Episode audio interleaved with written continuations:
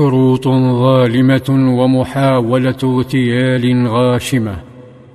ترى هل كانت الكتابة معجزة أم أن النبي صلى الله عليه وسلم رسمها رسما لا كتابة؟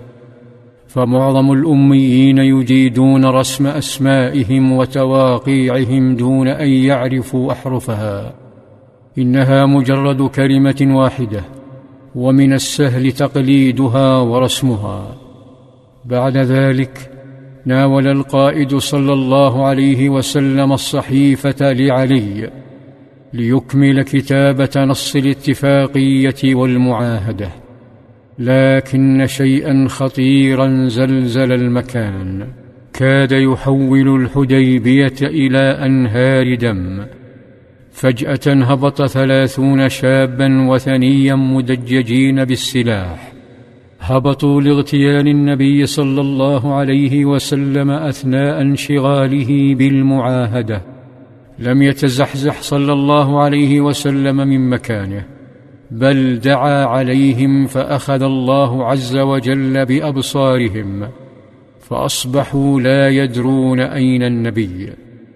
فأخذ مجموعة من الصحابة سيوفهم وطوقوهم فاستسلم الشباب المتهور ثم سيقوا كالذل نحو تلك الشجرة وأوقفوا أمام القائد صلى الله عليه وسلم الذي لم يتحرك بل نظر إليهم فسألهم سؤالا عميقا وخطيرا هل جئتم في عهد أحد؟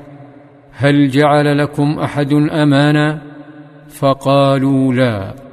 فأمر صلى الله عليه وسلم بإخلاء سبيلهم. فهم فتية طائشون متحمسون للوثنية دون وعي. فانصرفوا يتصببون خجلا من هذا القائد الذي لم يمسهم بأذى أو يشتمهم. تركهم يقرؤون هذا الدرس. فلعلهم يوما يساهمون في نشر التوحيد. انصرف الشباب مثقلين بالندم وانصرف صلى الله عليه وسلم نحو معاهدة الصلح مع الكفار الوثنيين بعد أن تأكد أنه لا علاقة لقريش بمحاولة الاغتيال تلك.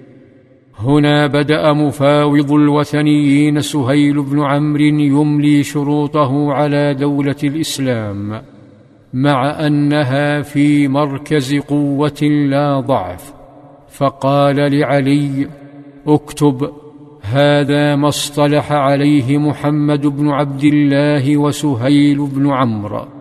ثم أمطر عليا بشروط أغضب بعضها عليا وعمر والصحابة وهي اولا وقف الحرب عشر سنين. ثانيا يأمن الناس خلال هذه السنوات العشر ويكف بعضهم عن بعض فلا قتال ولا حرب. ثالثا أي رجل يأتي إلى النبي صلى الله عليه وسلم من أصحاب عمرو أو حتى مسلما بغير إذن وليه فيجب على محمد أن يرده إلى قريش. ومعناه أن الدولة الإسلامية ملتزمة بتسليم أي رجل مسلم قرشي يهاجر إليها. وأن يعيدوه إلى المشركين. رابعا لا تلتزم قريش بإرجاع أي رجل مسلم يريد ترك الدولة الإسلامية. كان علي يكتب تلك الشروط وكأن قلمه خنجر.